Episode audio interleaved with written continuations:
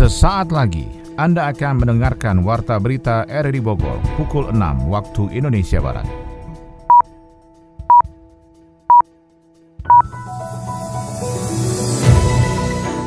Selamat pagi dan salam jumpa. Kami kembali hadir dalam Warta Berita edisi pagi ini, Selasa 18 Mei 2021. Siaran ini bisa Anda dengarkan juga melalui audio streaming di RRI Play pada perangkat smartphone Anda dan juga disiarkan lewat radio Tegar Beriman, Kabupaten Bogor, Jawa Barat.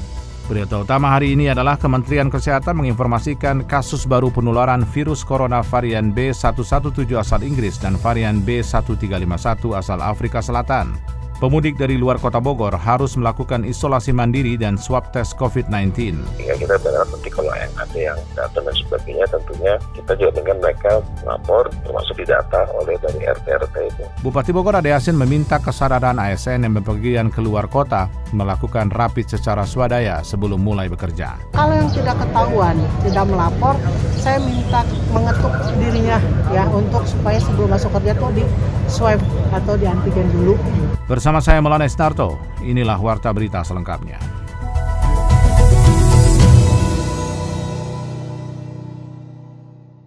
Kementerian Kesehatan menginformasikan bahwa kasus baru penularan virus corona penyebab COVID-19 varian B117 asal Inggris dan varian B1351 asal Afrika Selatan. Juru bicara penanganan COVID-19 dari Kemenkes, Siti Nadia Tarmizi mengatakan penularan dua varian virus corona hasil mutasi tersebut ditemukan pada pekerja migran yang pulang ke Indonesia. Penularan varian virus corona hasil mutasi itu terdeteksi dalam pemeriksaan menggunakan metode PCR pada dua pekerja migran yang sedang menjalani karantina di fasilitas pemerintah. Kedua pekerja migran terinfeksi varian baru masih menjalani karantina dan kondisinya baik. Dengan adanya tambahan dua kasus itu, jumlah kasus penularan virus corona varian B117 seluruhnya adalah 14 kasus dan jumlah kasus penularan virus corona varian B1351 seluruhnya adalah dua kasus. Dua kasus baru penularan virus corona yang sudah bermutasi ditemukan di Jawa Timur.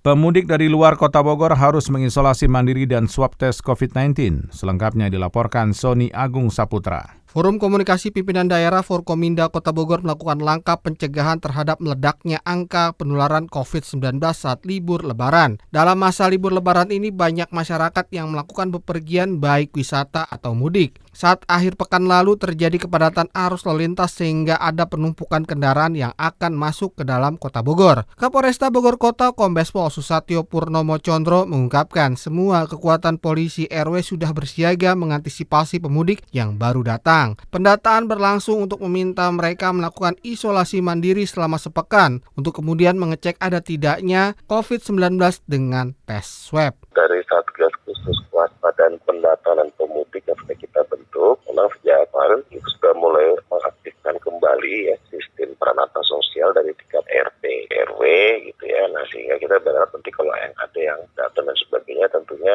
kita juga dengan mereka lapor termasuk didata oleh dari RT-RT itu. Ini sesuai dengan aturannya kita sudah lakukan termasuk itu dia lakukan rapid antigen ataupun swab termasuk juga karantina selama 5 24 jam. Sedangkan para medis di Kota Bogor juga siap melakukan antisipasi dengan skenario terburuk. Dari ledakan COVID-19 untuk RSUD Kota Bogor juga sudah menyiapkan tempat tidur untuk mengantisipasi membanjirnya pasien COVID-19.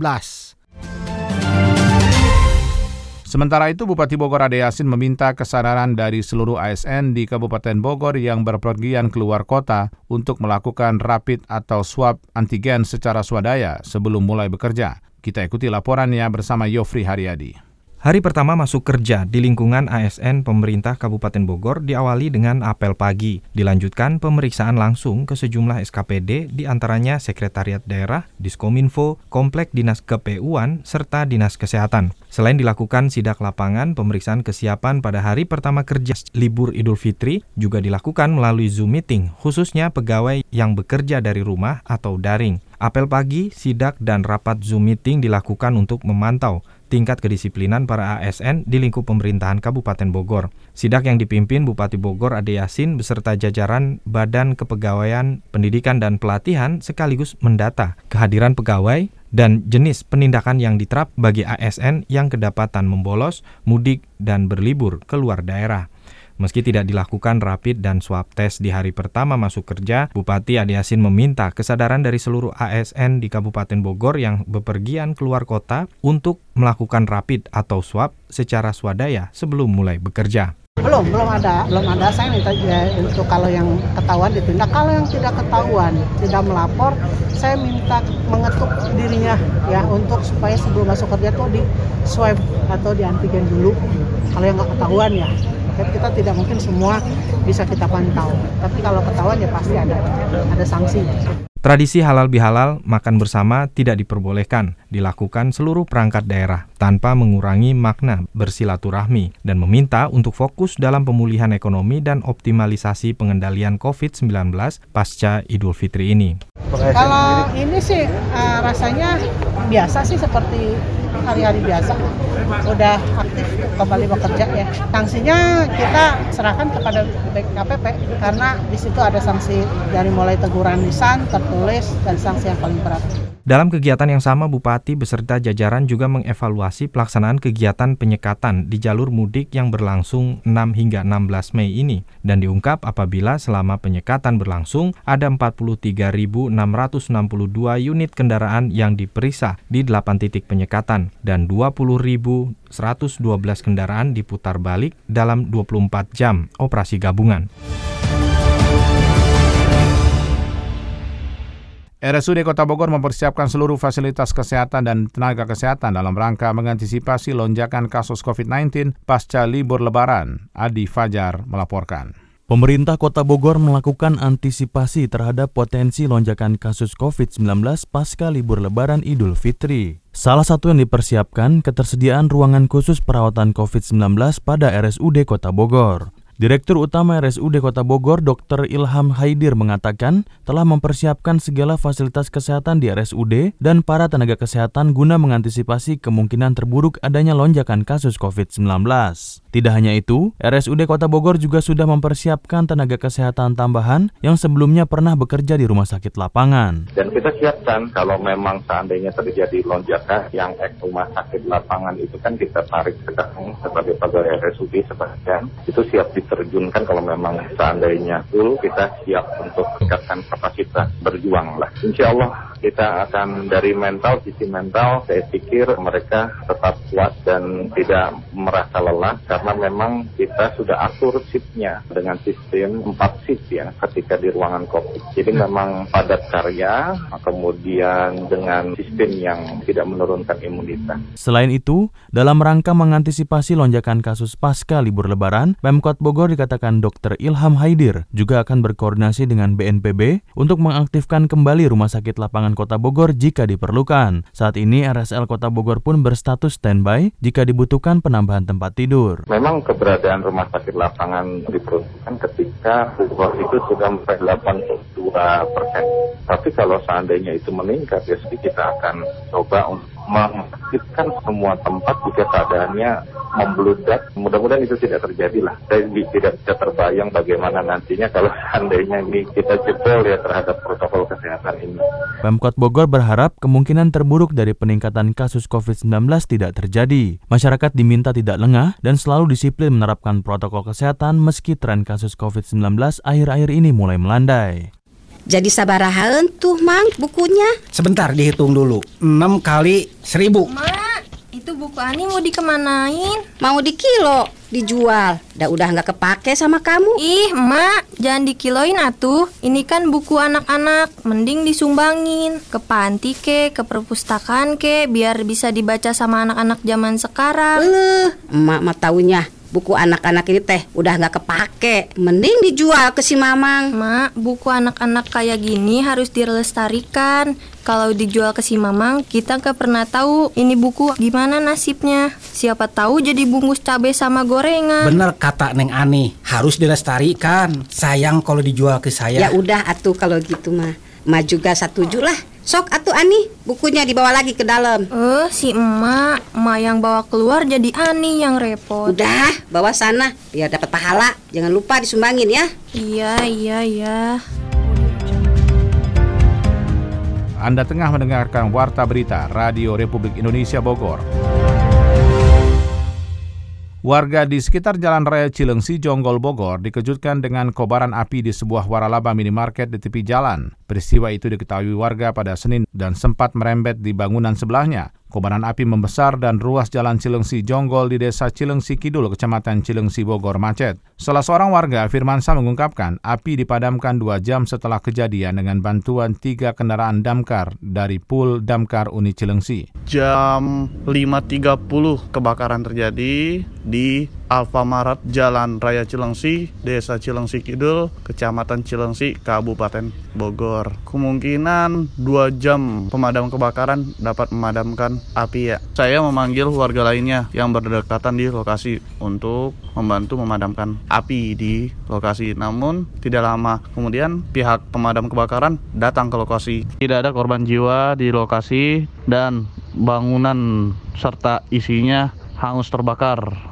Tidak ada korban jiwa dalam peristiwa itu, akan tetapi bangunan waralaba minimarket hangus tidak tersisa. Beberapa warga yang ikut membantu memadamkan adanya datangnya tim pemadam kebakaran ikut menyelamatkan sebagian barang dagangan yang dijual di minimarket tersebut. Dari keterangan Polsek Cilengsi, kebakaran diduga akibat konsleting arus listrik di salah satu sambungan partisi pada instalasi listriknya.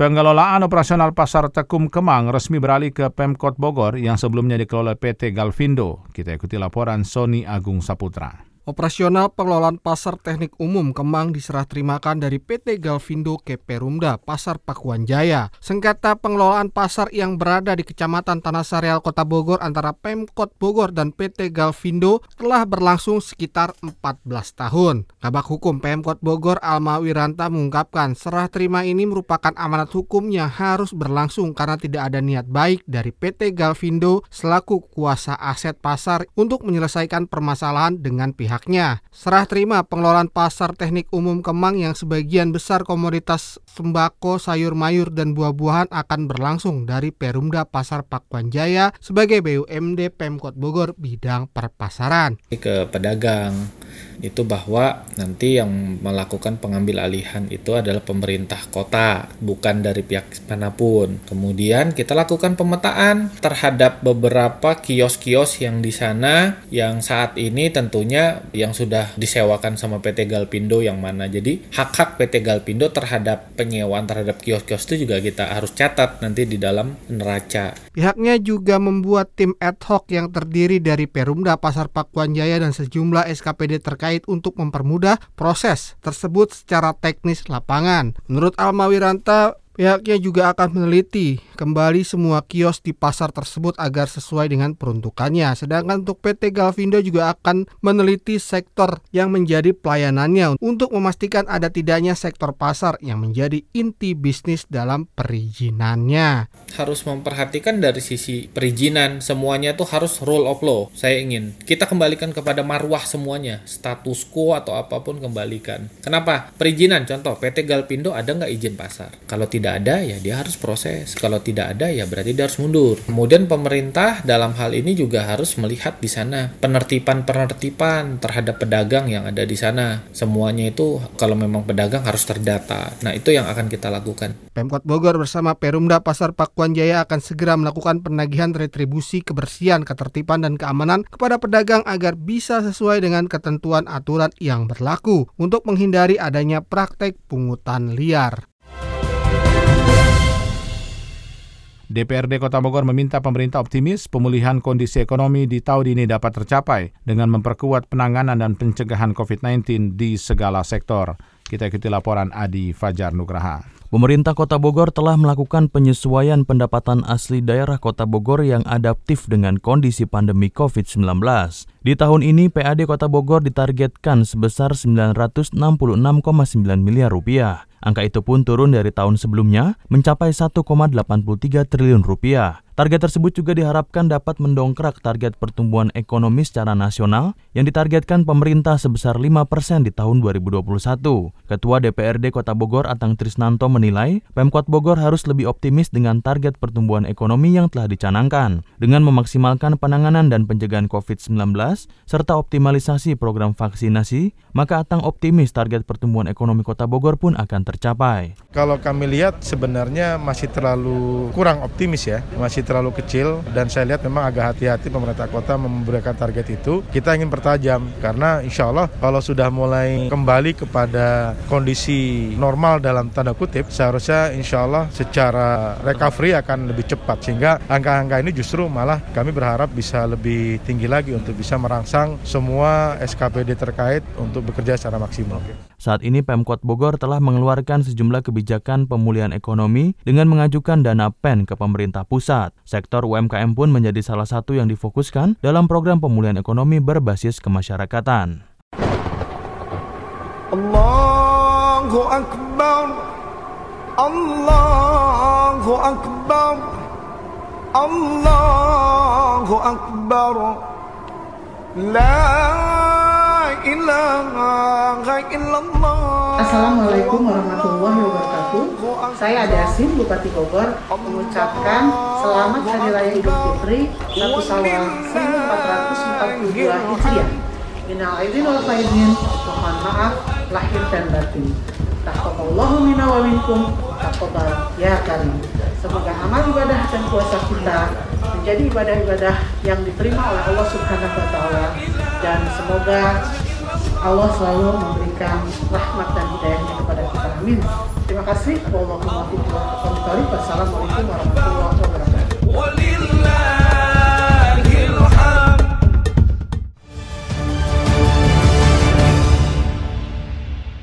Kembali Adi Fajar Nugraha melaporkan tentang sektor retail modern mencatatkan pertumbuhan penjualan selama Ramadan dan Lebaran tahun ini. Daya beli masyarakat pada periode Lebaran 2021 dinilai lebih baik dibandingkan tahun lalu. Sektor retail modern mencatatkan pertumbuhan penjualan selama Ramadan dan Lebaran tahun ini. Angka indikatif asosiasi menunjukkan kenaikan penjualan mencapai 30% dibandingkan dengan Ramadan dan Lebaran tahun lalu. Ketua Asosiasi Pengusaha Retail Indonesia Roy N. Monday mengungkapkan, dari data sementara terdapat indikasi peningkatan signifikan pada sektor retail berkisar 25-30 persen. Roy mengatakan bahwa sumbangan kenaikan paling besar berasal dari aksi belanja sebelum lebaran. Tren belanja mulai terlihat pada pekan terakhir April ketika tunjangan hari raya atau THR untuk aparatur sipil negara mulai disalurkan dan dilanjutkan sampai Hamin 7 lebaran ketika sektor swasta mulai mencairkan THR. Kenaikan belanja di retail modern juga didukung oleh bertambahnya porsi belanja produk non-pangan pada tahun ini. Berbeda dengan tahun lalu, ketika belanja masyarakat didominasi produk pangan dan kesehatan, porsi produk non-pangan seperti sandang mulai mengimbangi total belanja masyarakat. Roy memperkirakan sumbangan omset dari Ramadan dan Lebaran tahun ini bisa kembali di angka 40% dari total pendapatan sepanjang tahun.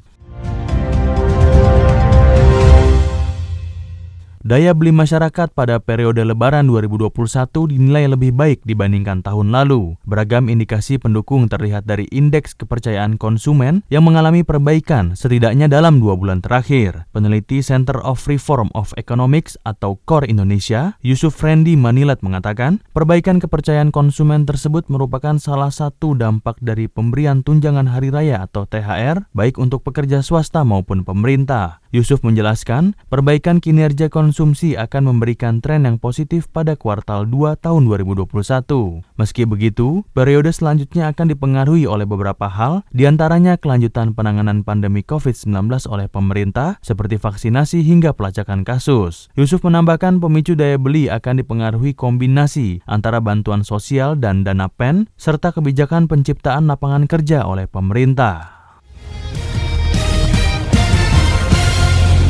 Kita beralih ke berita olahraga. Kali ini AC Milan, Napoli, dan Juventus akan berebut dua tiket tersisa ke Liga Champions. Barcelona meraih trofi Liga Champions wanita pertama mereka dalam sejarah klub. Informasi olahraga tersebut rangkum dalam laporan Ermelinda.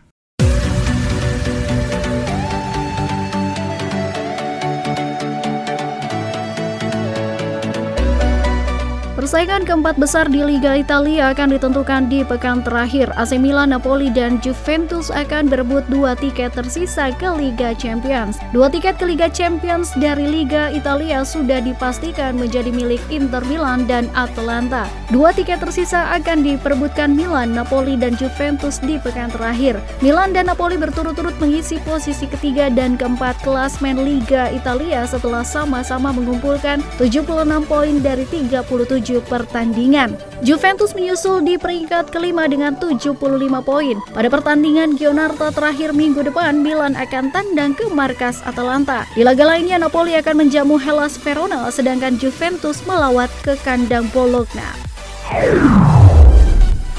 Barcelona tampil cemerlang saat mengalahkan Chelsea 4-0 untuk memenangkan trofi Liga Champions wanita pertama mereka dalam sejarah klub. Ini pertama kalinya wakil Spanyol menjadi juara di Liga Champions wanita setelah dalam beberapa tahun terakhir didominasi oleh Olympic Lyon. Barcelona sebelumnya sudah pernah lolos ke final Champions pada musim 2018-2019, tetapi harus takluk 1-4 dari Lyon. Adapun Liga Champions wanita sudah digelar sejak musim 2001 2002, di mana Lions sebagai raja kompetisi dengan tujuh kali juara diikuti Frankfurt dengan empat gelar. Tim pemusatan latihan cabang pelacap judo Kota Bogor kembali menjalani program latihan bersama setelah libur Idul Fitri 1442 Hijriah. Sekretaris Umum Pengurus Cabang Persatuan Judo Seluruh Indonesia PJSI Kota Bogor Yudi Wahyudi pada hari Senin 17 Mei 2021 mengatakan, saat ini tim pelacap judo Kota Bogor senior maupun junior sudah mulai kembali berlatih bersama di Unitex Judo Club Kota Bogor. Mengingat ini semua untuk mengembalikan performa fisik maupun teknik atlet, ia menjelaskan bahwa satu minggu ke belakang ini, para atlet tidak berlatih bersama dikarenakan libur Hari Raya Idul Fitri. Para atlet hanya melakukan latihan fisik di rumahnya masing-masing. Selain itu, Yudi juga menyampaikan jika dengan kembalinya atlet berlatih setelah Idul Fitri kali ini bisa menjadi kekuatan baru dalam meraih prestasi terbaik di setiap event untuk Kota Bogor.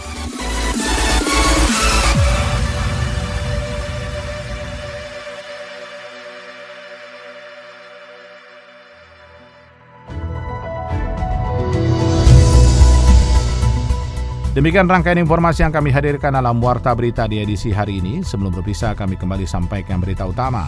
Kementerian Kesehatan mengkonfirmasi kasus baru penularan virus corona varian B117 asal Inggris dan varian B1351 asal Afrika Selatan. Pemudik dari luar kota Bogor harus mengisolasi mandiri dan tes swab COVID-19. Bupati Bogor Ade Yasin meminta kesadaran ASN yang berpergian keluar kota melakukan rapid secara swadaya sebelum mulai bekerja.